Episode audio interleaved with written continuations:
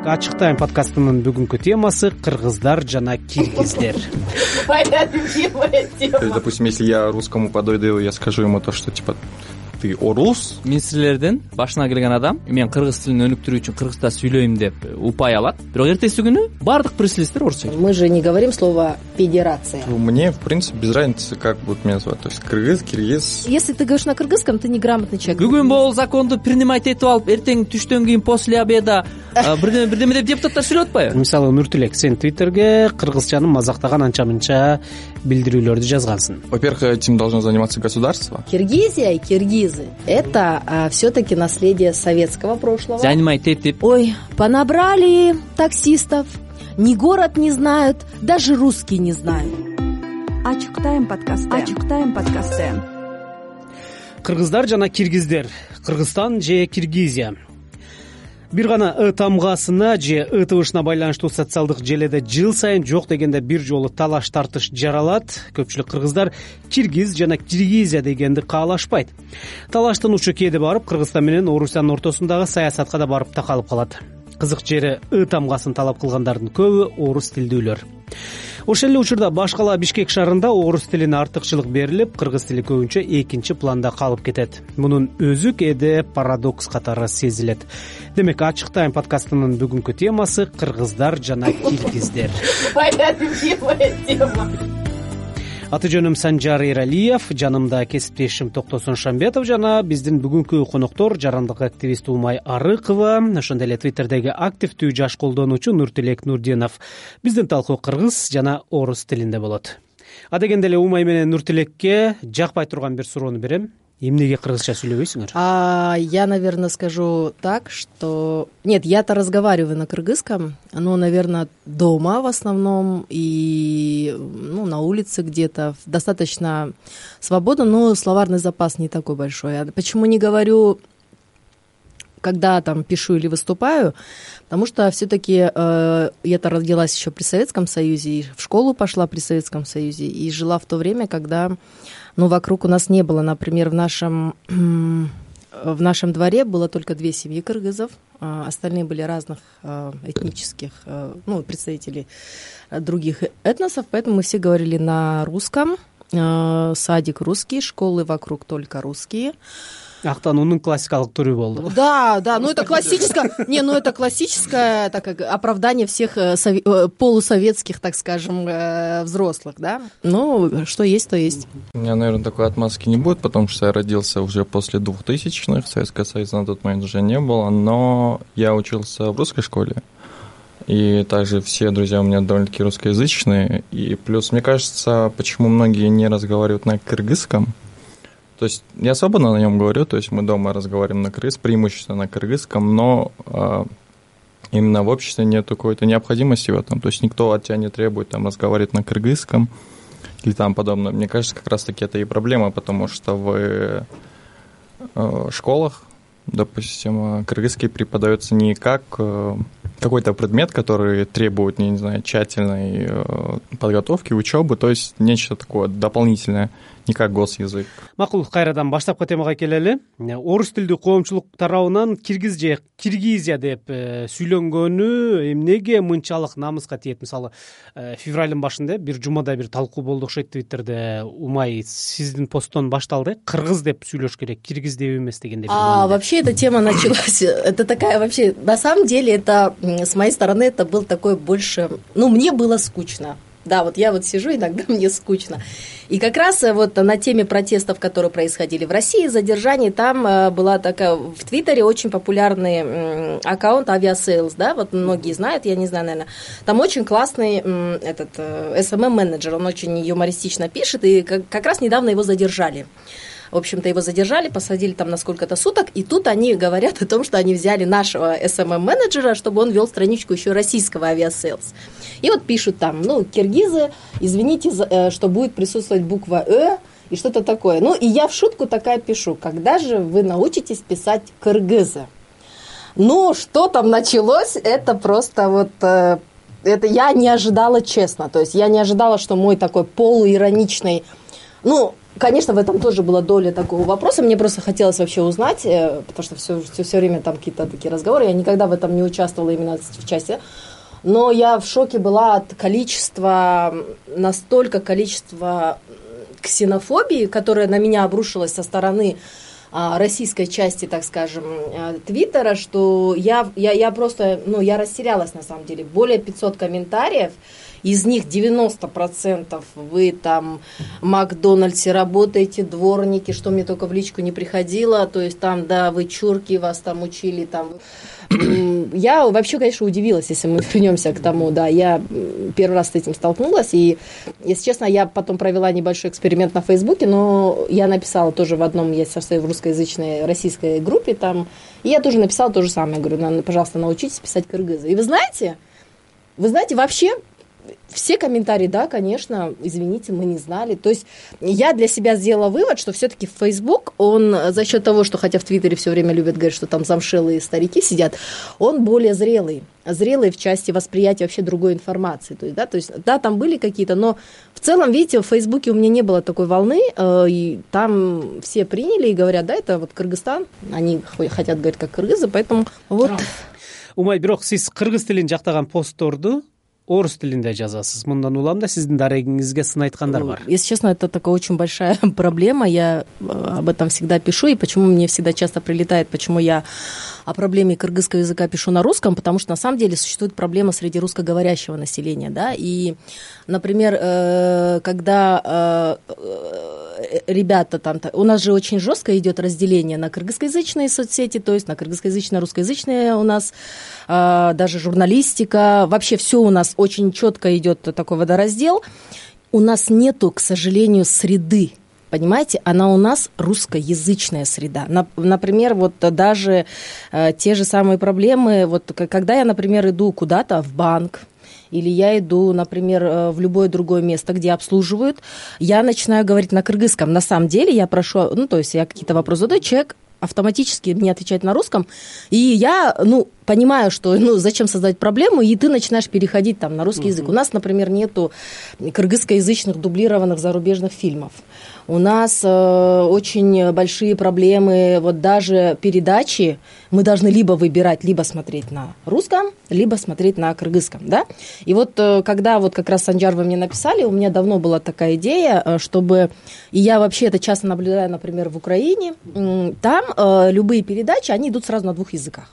То есть э, гости могут говорить на русском, э, ведущий отвечать на украинском, да, и вот у нас э, была вот в позапрошлом году у меня был очень такой сильный серьезный спор, а, ну, с одним, вот меня приглашали тоже на одну передачу, и когда я говорила о том, что почему мы делим эфир строго там на... Например, я понимаю по-кыргызски, но вот именно свободно излагать мысли, ну, потому что я думаю на нем, да, и у меня сейчас пока на данный момент, сейчас, я не говорю, что это будет всегда, да, то есть словарный запас, он более широкий, и образное мышление у меня все равно на русском языке, да, ну, зачем я буду там издеваться над людьми, над собой, да, говорить с ошибками или там узко, тем более на такие важные темы, когда я могу сказать. Я прекрасно понимаю, что на самом деле все кыргызы, они изначально билингвы. Мы все э, либо понимаем русский язык, либо говорим на русском языке, и кыргызский тоже соответственно. Поэтому э, я думаю, что э, вот это вот разделение, оно должно уйти в целом. Необходимость деген түшүнбөй атам да необходимость жок деген не ну смотрите я вот была в армении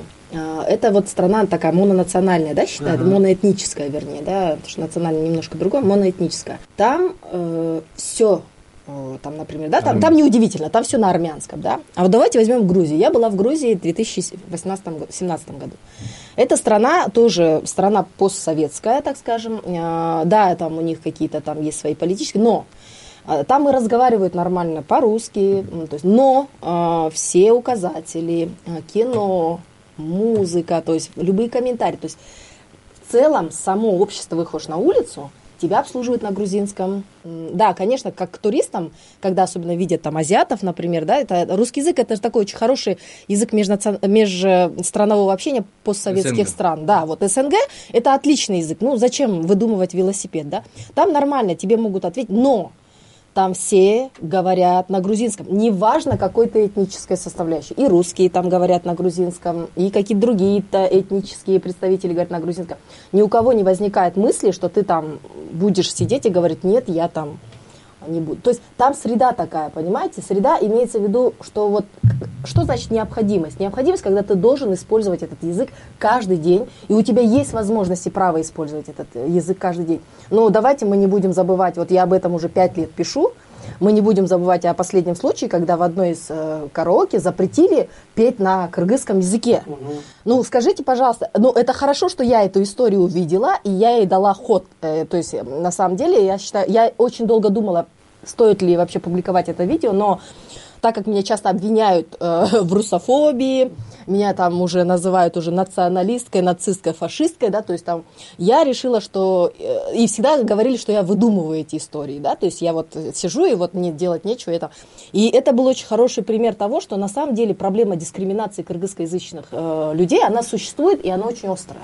мен мисалы баарыбыз кыргызча сүйлөшүбүз керек деген жарма патриот мүнөзүндө чакырык жасагым келбейт бирок мени таң калтырганы кыргызча сөздөрдүн үстүнөн кыргыздар өзү көбүнчө күлөт эмеспи. Мисалы нуртилек сен твиттерге кыргызчаны мазактаган анча мынча билдирүүлөрдү жазгансың. Ну у меня нет никакой э, какой то националистической позиции, то есть я не чувствую превосходства, допустим, русскоязычных над кыргызскоязычным, потому что это было бы очень глупо.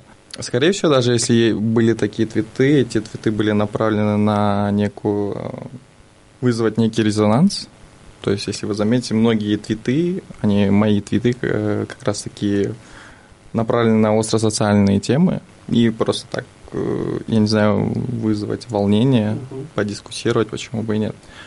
Допустим, когда я начинаю э, там, знакомиться с незнакомым человеком, начинаем разговаривать, если он я понимаю, что он говорит на кыргызском, я без проблем разговариваю с ним на кыргызском. Если он начинает говорить на русском, я без проблем разговариваю с ним на русском. менде бир суроо бар да азыр эки конок тең айтып атпайбы мындай бир чети ушундай э, резонанс же болбосо бир талаш тартыш дискуссияны жаратуу үчүн твит жазам депчи проблема сиздер үчүн бир твит же дискуссия же зеригиштүүнүн куралы болсо мисалы биздей айылдан мен айылдан келдим да. Айылдан келген бала үчүн кыргыз тили же орус тили же эмнеге бири бирин мындай кошпойт деген маселеден алысыраак да. Мен мисалы ушул теманы деле канча жылдан бери кыргызстан отуз жыл болсо отуз жылдын бир беш жылын бир аз орустун немесен кетпей чоңойгом. Анан калган жыйырма беш жыл эле ушул тема смиден түшпөйт да. Анан мен ушунун максатын түшүнбөйм. Же бул кыргыз тилин өнүктүрүүгөбү же эмне талкуунун өзөгү эмне? Талкуунун маңызы эмне? Смотрите вот я да я это это тоже это второй по популярности вопрос. Э, я скажу так э, нет я я это об этом идеологиялык бир нерсеси барбы я об этом пять лет пишу но я не пишу потому что мне скучно. Это было в конкретный момент. Вот мне на самом деле эта тема вы просто никогда не росли наверное вот вы выросли в кыргызскоязычной среде а я выросла в русскоязычной среде. И вы никогда не испытывали этой дискриминации понимаете?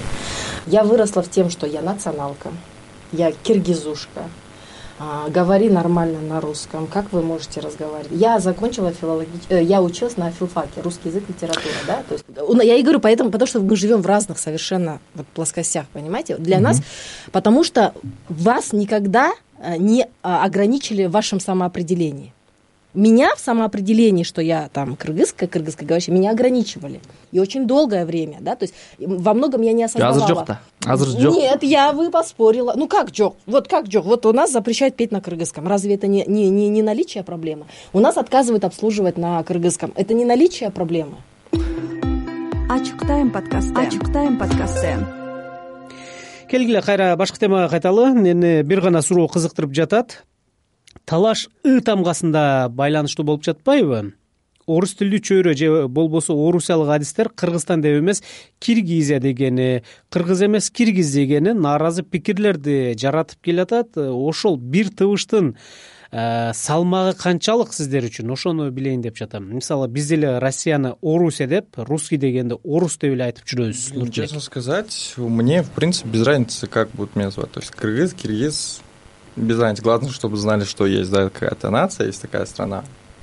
Просто я не знаю почему ну, вот эта тема настолько поднимает какой-то резонанс в обществе. Я не знаю, вот я недавно видел какой-то твит, и он звучал примерно так, то, что мы как раз-таки та нация, которая, будут, э, которая любит ущемляться по каким-то поводам. То есть, допустим, если я русскому подойду, я скажу ему то, что, типа, ты орус, или там, там вы живете в Руси, мне кажется, ему, в принципе, будет без разницы. Типа, ну, окей, типа, на твоем языке будет вот так, почему бы и нет? А на самом деле, я, так как человек все-таки чуть-чуть учившийся на русской филологии, я могу сказать, что э, это любимое, так, это самое главное, так скажем, аргумент, у тех, кто говорит, там, какая разница, и или э. Но давайте так, вопрос вообще не стоит в русском языке и в его правилах.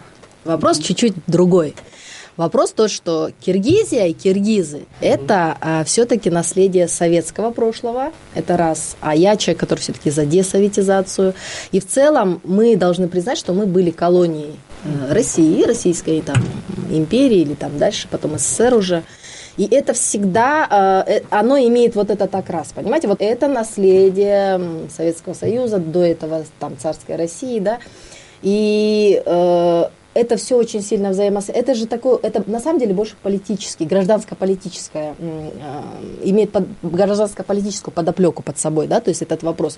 Он вообще давно уже за рамки рус, правил русского языка выходит, да, там, я не знаю, когда они мне говорят про «ы», я могу сказать, ну вот есть Кыштым, Сыктывкар, там, например, Крым, да, почему же вы не говорите Крим или там Сиктывкар, то есть, значит, э, русскоязычное население может спокойно выговаривать букву «ы», да, по поводу того, что им все равно, там мы называем их Руссия или там Россия, да, но давайте так скажем, мы же не говорим слово «федерация», потому что в кыргызском языке вообще нету звука «ф», да, мы как бы «ф», он пришел вот вместе с русским языком.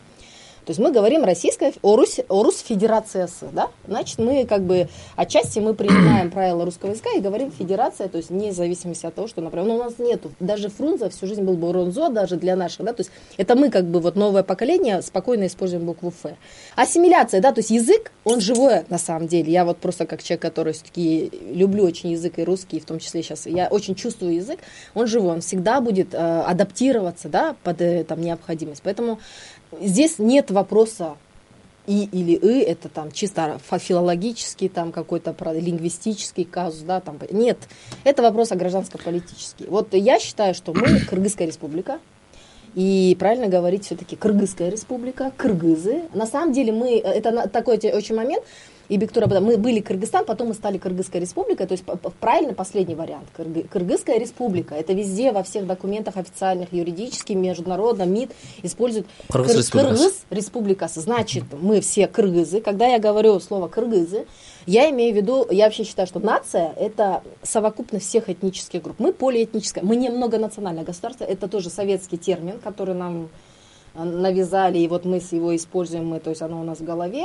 мы на самом деле полиэтническое государство, и вы все должны быть кыргызом. Когда я говорю слово кыргыз, я подразумеваю любого гражданина Кыргызстана, неважно какой он этнического происхождения. киргизия же кыргыз республикасы деген билбейм кайсы бир деңгээлде дайыма талкууланып турчу дайыма кайсы бир коомдун мындай бир чоң көйгөйлүү маселеси болбосо жарма патриоттордун э кыргызстанде деп айткан нерсеси катары кабыл алынып калышы кабыл алынып калган да.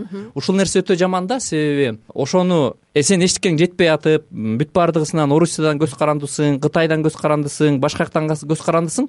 Бирок эмнеге кыргызстан деп койсо арданасың э отура берчи сен деген э, ой пикир бул баягы биздин ата энебиздин советтер союзунан калганкы мындай э, максаты да мынтип эми балам эмне кыласың? Эми анан башыңды оорутуп эмне кыласың? Жөн эле койчу дегенчи. Ошондой ошондой э, ошондой боек алып кеткен да жөн ганачы. Мен мынтип ойлойм да пикирим да менинчи эмнеге азыр деле биздин коомдун көбүнчө орус тилине же болбосо орус тарапка ыктаган мамилеси э, түгөнө элек бүтө элек. Себеби биз дагы деле орусиядан кандайдыр бир эмебизди үзө элекпиз да. Биздин миллион мигрант орусияда. Бул жөн гана жарма патриоттуулук эмес жөн гана мындай э, бирдемени талкуулоо предмет эмес. Бул чындыгында эле адамдын э, чындыгындагы эле ошол жашаган мамлекеттин э, көз карандысызга болгон умтулуусу деп билебиз да. Мисалы мен түшүнөм мен сизге айтып аткандай көйгөйдү бул чоң көйгөй эмес деп айткан жокмун. Бул да ошондой аң сезимге болгон мындай умтулуу да биз көз карандыбыз. Биз улутпуз дегенде эми улутпуз дегенде ошо баардык улуттар биз өзүнчө бир мамлекетпиз деген бир эме экенин түшүнбөй биздин көпчүлүк коом анын ичинде орус тилдүү өзүлөрүн прогрессивдүү адекваттуу сезген коом дагы тил маселесин кыргыз тили болуш керек кыргызстан деп жазыш керек деп көтөрүп чыксаң э койчу сен эми ошол проблемаң ал деген комплексиң сеники. Мисалы эч ким э, китай кытай деп таарынбайт бирдеме болбойт сен талкуулабай эле кой деген нерсени ошолор да ойлонот да. Мен атпаймынбы мен баардыгысын жакшы түшүнүп турам баардыгысын көрүп турам. Бирок мындай билбейм ушинтип акырына келип жыйынтыгы чыгабы же чыкпайбы билбейм мен азырынча мындай бир маанисиздей эле сезе берем да мындай талкуулардычы ошон үчүн окубайм да мен талкуулардычы себеби бир адамдын оюн такыр өзгөртүү кыйын экен да Э, во время Советского Союза тот человек, который знал русский, он был типа образованный. Да. После этого у людей сознание... Да. Да, после людей в сознании, э, в сознании людей осталось орус тилдүүлөргө артыкчылык бере берет да Не, ну, а как вы хотите, если кыргызский язык исключили вообще из нашей жизни политически, то есть законом кыргызский язык перестал быть государственным, он стал просто языком этнического меньшинства, так? Ну а как? Как тогда эми по-другому? сүйлөшө бергиле бирок биякта мындай сүйлөшөлү Да, да, да, да, да. үйүңөрдө сүйлөшө бергиле то кыргызча и тиланда эле үйлөнгөн кыргызча сүйлөшүп Да, бирок чыкканда мындай можете- сүйлөшөлү Да, потому что если ты говоришь на кыргызском, ты неграмотный человек. Ну вот я в такси недавно ехала, э, поверьте, я кучу, я-то русскоговорящий человек, я-то понимаю посыл, который они вкладывают, то есть, да, и поэтому, когда я с ними спорю, мне проще с ними говорить, то есть доносить до них, потому что я им, ну, мы на одно, на, на одном, как бы, на одной, так скажем, линии находимся, да, то есть они не могут мне сказать, ты там не разбираешься там в русском или еще что-то. И вот я еду в такси, мне говорят, ой, понабрали таксистов, ни город не знают, даже русские не знают. То есть, понимаете, Даже, вот это даже русские не знают. Ну, я так посмотрела, даже моя- у меня вот грузинка подруга, она же замужем за кыргызом, это моя близкая самая подруга, она всегда меня ругает. Вы, кыргызы, не уважайте себя. Я там с таксистами езжу, все время с ними спорю, говорит, как вы можете так про себя говорить, говорит, вот в Грузии за такое, говорит, вообще бы с тобой разговаривать перестали бы, понимаете? То есть вот мне грузинка, моя подруга все время вот так, вот намыстаны айтат ачык тайм подкасты ачык тайм подкасты угуп отургандарга эскерте кетели бул талкууда эч кандай радикал улутчулдук маанай жок ар бир тилге терең урматтабыз болгону тил ажырымы кыргыз коомунда оор койгон көйгөй катары көтөрүлүп калды ал тургай кыргызстанда атка минерлер кыргызча таза сүйлөсө сүйүнгөн абалга жетип калбадыкпы кыргызча сүйлөсө вау деген Вау, да, там, ну, хотя, конечно. это- Вот смотрите, вот и последняя история, да, например, с тем же Садыром Джапаровым. Да, вот он в этой части, наверное, я ему хочу сказать спасибо, на самом деле, за его позицию в части кыргызского языка, что бы вы мне ни говорили, когда он говорит о том, что я, мне удобнее и правильнее говорить на кыргызском.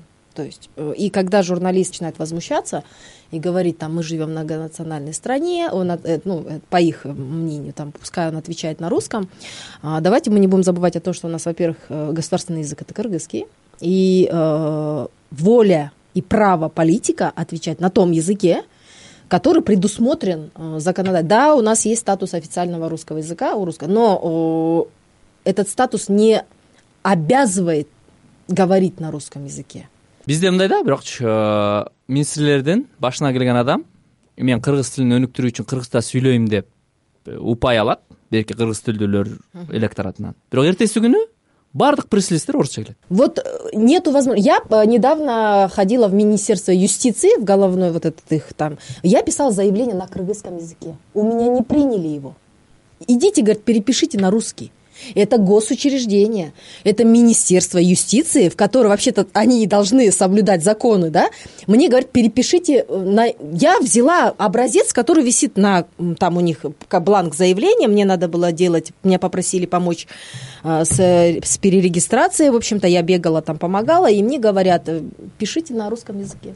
Ну что это? Вот, вот вы говорите, как мы должны там, что это типа выдуманная проблема? Это не выдуманная проблема, в смысле, она реально, э, если э, если вот я прихожу, например, и каждый день пишу там заявление на кыргызском языке, мы же можем сказать о том, что я понимаю, что я в любом случае заговорю через год, через месяц, через 10 дней, я заговорю, потому что я каждый день должна как взаимодействовать с людьми э, и с органами, а государство это в первую очередь э, тот орган, с которым мы должны взаимодействовать на кыргызском языке. А у меня даже этой возможности нет. Мне отказывают в праве писать на кыргызском языке заявление. Понимаете? Касательно про необходимость, я отвечаю вопрос как раз, э, что должно делать медиа, чтобы как-то развивать кыргызский язык. Во-первых, этим должно заниматься государство на государственном уровне, потому что если взять э, страны Европы или тоже те же Штаты или там тот же Китай и Корею, если вы там захотите там работать, основным требованием является именно знание их госязыка. То есть ты не знаешь, э, хочешь учиться бесплатно на бюджете, знай итальянский. Хочешь там э, работать в Германии, ты должен обязательно учить немецкий. Это прямо на госуровне необходимость. Это не так, не так то, что по желанию ты учишь, не учишь, чтобы там, я не знаю, тебе было легче жить. Это прям требование. Я вам вообще одну вещь скажу, я об этом не говорила никогда, но я вот человек, который я когда в университете училась, на втором курсе у меня была одногруппница, и она мне однажды сказала, говорит, а тебе не стыдно говорить на кыргызском языке? Ну, то есть вот человек искренне абсолютно говорит. И знаете, я же не говорю, что она какой-то там расист или шовинист. Это у нее вот абсолютно искреннее, вот она так реально думает, угу. понимаете? И угу. а почему она так думает? Потому что мы тем более в 2000-х годах я училась, да, тогда мы только-только там вообще об этом, мы, э, потому что мы не поднимаем эту тему, мы не говорим, что это плохо, то есть, например, мы не говорим, что это неприятно, да, то есть вот как любой нормальный человек, э, я всегда говорю, то есть если мне говорят, что, например, мне неприятно, когда там ты называешь меня вот так, я как любой адекватный человек должна сказать, хорошо, ладно, я поняла, тебе неприятно, я не буду говорить. Но если мне никто не говорит об этом, а как я буду знать? Башкалардан өзүн өйдө койгон улутчулдук менен тилди урматтоонун ортосундагы чек каерде бул программа чыккандан кийин алдына жазат. Умай менен тил биринчи кыргызча тилинде сүйлөп алсынчы деп. Да да да я это бир пост жазсаң орусча. Сөзсүз жазат алдына эки киши. Э сен биринчи кыргызча тилинде сүйлөчү депчи орус тилинде интервью алып келип аябай сонун киши орус тилинде өзүнүн э, пикирин билдирип атса эки үчөө жазат. Сен кыргыз тилинде сүйлө деп. Демек бул жагына кетпеш керек. Аны улутчулдар көпчүлүгү бизде саясатчылар ушуга колдонот да. Мен э, тилди э, кылып алып мындай ураан кылып алып анан улутчул болгонго колдонот. Мисалы э, менин кыргыз тилинде айылда өскөн досторум орус тилдүү чөйрөлөр менен мындай экөөлөрдү чогуп кошоюн десең мынтип айтат да. Э аларың киргиздер кыргызча сүйлөбөйт ошон үчүн мен айтам ошого айланып куралга айланып кетпеш үчүн айланып кетпеш үчүн умайдай тиландай орус тилдүү өзүлөрү ушул маселени көтөрүп чыгып атканы бир чети сүйүндүрөт бир чети. Экинчи четинен дагы бир маселе бар. Орусча биз кыргыз тилинде сүйлөйбүз деп атабыз эми бир башка подкаст бирок мен кыргыз тилдүү досторумдун арасында кыргызча сүйлөгөн. Азыр умай менен тиланга сүйлөсө булар түшүнбөйт да. Башкача кыргызча занимать этип э, бүгүн могул законду принимать этип алып эртең түштөн кийин после обеда бирдеме бирдеме деп депутаттар сүйлөп атпайбы? Ну это вот проблема наверное вот э, как раз таки ал ушуну кыргыз тили деп ушундай сүйлөйлү деп баарын көндүрөлүбү же? это давайте так скажем что это не проблема кыргызского и русского языка на самом деле вы не. Это проблема к сожалению э, просто общей безграмотности бул ачык тайм подкасты болду. Кыргыздар жана киргиздер деген талаштуу теманы умай арыкова токтосун шамбетов нуртилек нурдинов жана санжар эралиев талкууга алдык.